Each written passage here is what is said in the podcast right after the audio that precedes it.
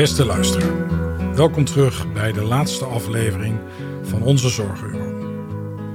Na vijf maanden onderzoek, discussie, schrijven en herschrijven van de website en de podcast ben ik dan uiteindelijk aangeland bij het sluitstuk van de afleveringen over onze Zorgeuro.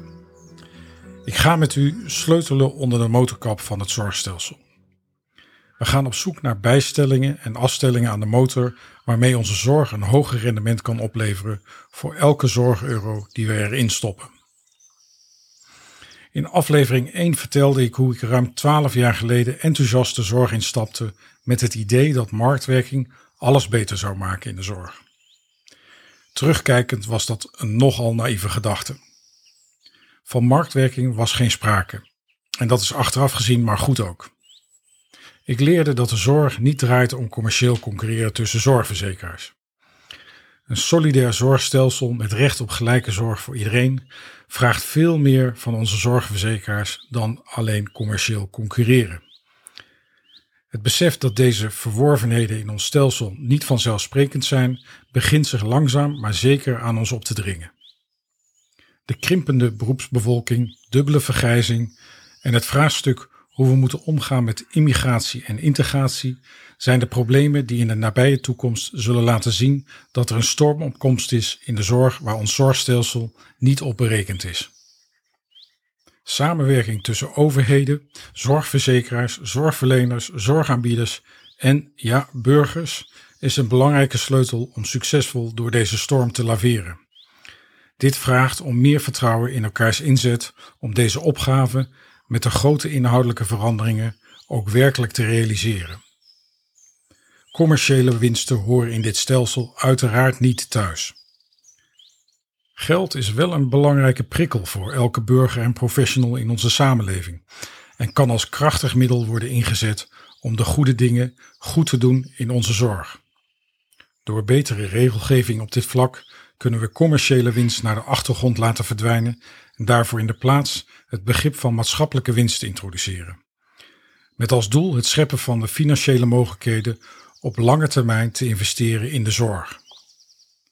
Waar moeten we dan met z'n allen op lange termijn op inzetten voor een houdbare, goede en betaalbare zorg? Het antwoord hierop is vooral beter letten op ieders gezondheid en vroeg starten met preventieve maatregelen. Dat is de opdracht aan onze samenleving. De zorg moet daarbij de helpende hand bieden en dat kan het. Daarvoor zijn er volop mogelijkheden, maar we maken hier nog maar mondjesmaat gebruik van. U zult misschien zeggen dat de goede richting al lang is ingeslagen. Het integrale zorgakkoord en de daaruit volgende plannen staan barstensvol goede initiatieven voor samenwerking, passende zorg en het terugschalen van commerciële concurrentie. We zijn dus volop stoom. Helaas, Zoals besproken in eerdere afleveringen van de podcast, ontbreken helaas nog een paar randvoorwaarden voor echte verbetering. Resulterend in een goede balans tussen preventie, behandelen en verzorgen. Het huidige zorgstelsel kan deze grote beweging naar betere gezondheid en meer preventie nog niet aan. Het faciliteert deze veranderingen niet en werkt ze eerder tegen. Daar zitten nu dus nog een aantal problemen die om oplossingen vragen. Een beperkt aantal ingrepen in ons zorgstelsel zijn dan ook geen luxe, maar een noodzaak. In deze aflevering sta ik dan ook stil bij 14 ingrepen die in samenhang de aangepaste randvoorwaarden bieden. Het stelsel als motor voor vernieuwing kan dan pas echt lekker op gang komen. Ik bespreek de ingrepen hierna met verwijzingen naar eerdere afleveringen van onze Zorgeuro. In die afleveringen ben ik met name op de context van ons zorgstelsel en haar huidige problemen ingegaan. Het eerste aantal ingrepen heeft alles te maken met het terugbrengen van rust en vertrouwen in de verzekeringsmarkt. Zonder deze ingrepen zal het stelsel dat is gebouwd op de gedachte van commercieel concurreren niet haar beweging kunnen maken naar het doel van maatschappelijke winst en vernieuwing. Alle prikkels waarmee de commerciële concurrentie tussen zorgverzekeraars wordt gestimuleerd, moeten dan ook aan banden worden gelegd. Dat begint met het verbod op reclame, provisies en commissies. In combinatie met het afschaffen van het aanvullende eigen risico en de mogelijkheid tot een beperkte zorgpolis. Met deze maatregelen voorkom je de jaarlijkse jacht op de overstappende consument. Met de daaropvolgende folklore van een Groundhog Year dat ik besprak in aflevering 5 van deze serie. Brengt dit de zorgverzekeringsmarkt dan waarschijnlijk terug naar maximaal een aanbod van 10 polissen? Ja, ik verwacht van wel. Heeft de zorgverzekeraar dan helemaal niets meer om te concurreren? Nou en of, maar daarvoor zijn er nog een paar extra ingrepen nodig. Na de stap van rust en vertrouwen bij zorgverzekeraars valt het oog op het versterken van de solidariteitsgedachte. Dat begint met het formeel inrichten van regio's die herkenbaar zijn voor alle inwoners, de burgers in Nederland. Deze ingreep vraagt wel om één verzekeraar per regio die het mandaat krijgt als regisseur in deze regio. Dat is ook dan de volgende ingreep. Het ligt voor de hand dat de grootste zorgverzekeraar dit roer in handen krijgt.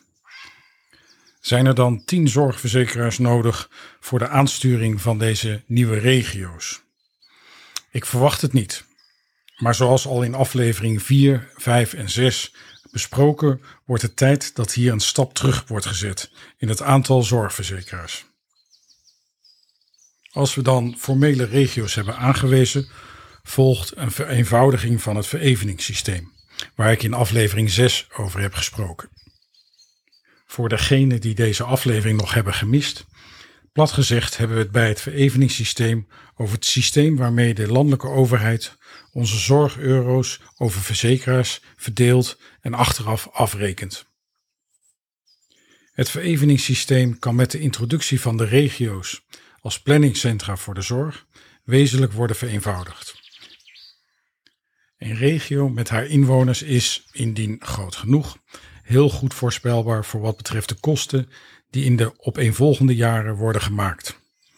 Een vereveningssysteem op basis van demografische en socio-economische indicatoren kan een goede tool zijn voor budgettering van elke regio in Nederland.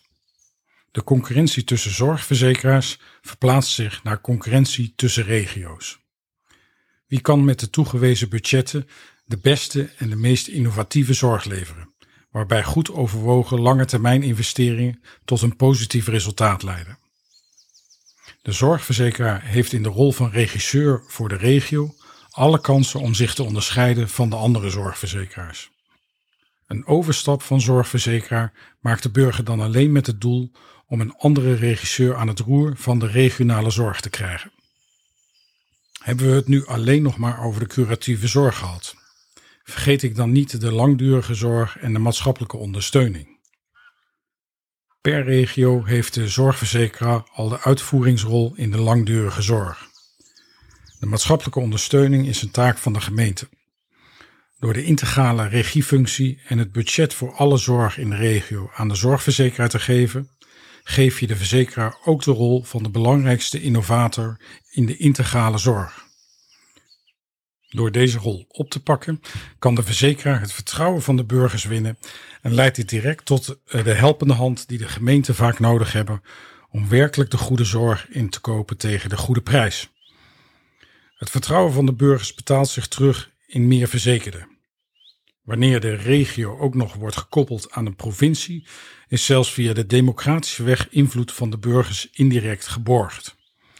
De gemeenten moeten op hun beurt een plek aan de tafel in de regio krijgen voor een sterke samenwerking tussen de zorg en maatschappelijke ondersteuning. Dan zijn we er helaas nog niet. Voor een goede vergelijking van prestaties tussen de regio's onderling is transparantie in informatievoorziening nodig. Benchmarking van regio's en gemeenten wordt daarmee een taak van de landelijke overheid. Deze taak kan ze invullen door jaarlijkse afspraken op samenwerkingsdoelstellingen verder uit te werken in informatieve rapportages.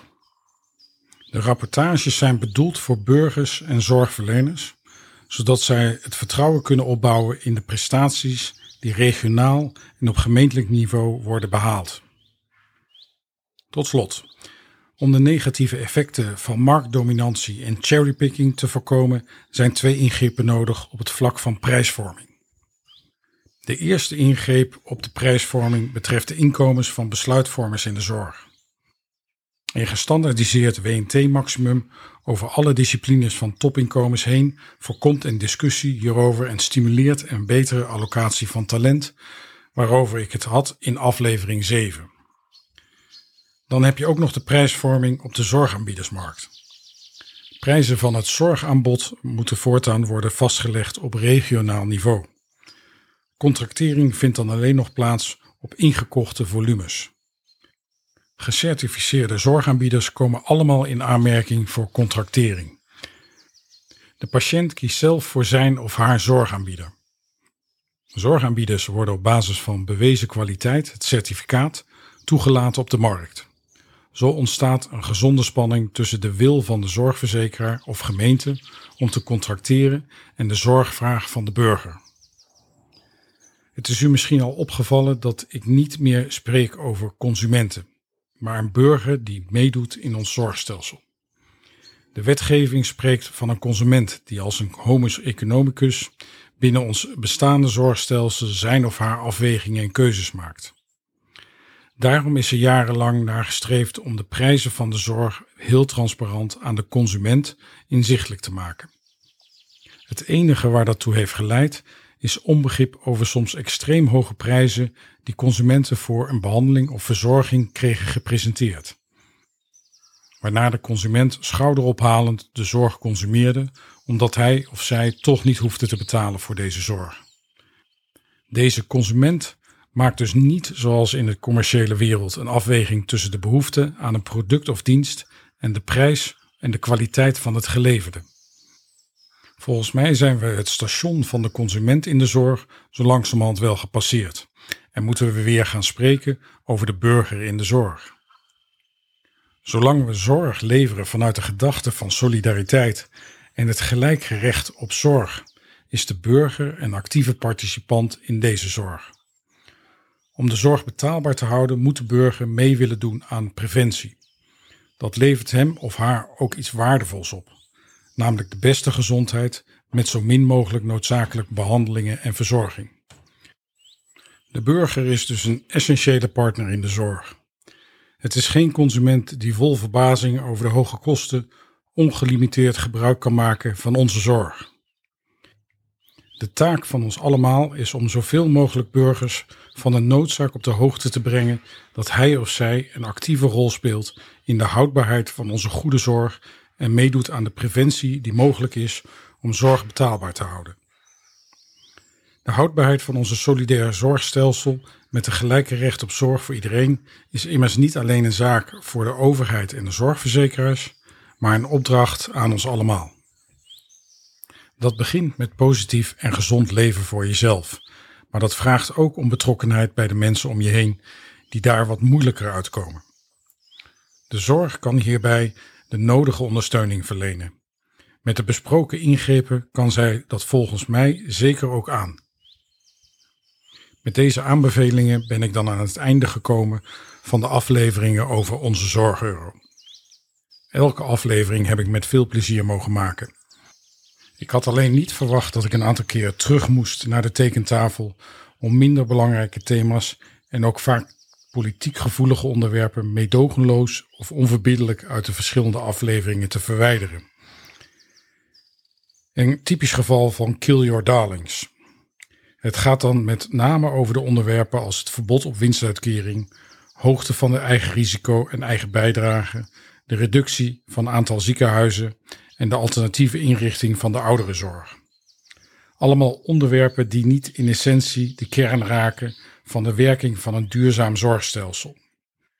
Dus deze onderwerpen heb ik dan ook uiteindelijk niet besproken.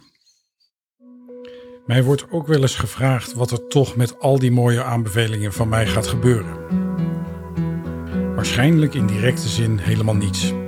Maar ik hoop eigenlijk dat door uw enthousiasme over de aanbevelingen u links en rechts deze aanbeveling wilt droppen op de plekken waar ze indirect invloed kunnen uitoefenen op de toekomstige inrichting en werking van ons zorgstelsel.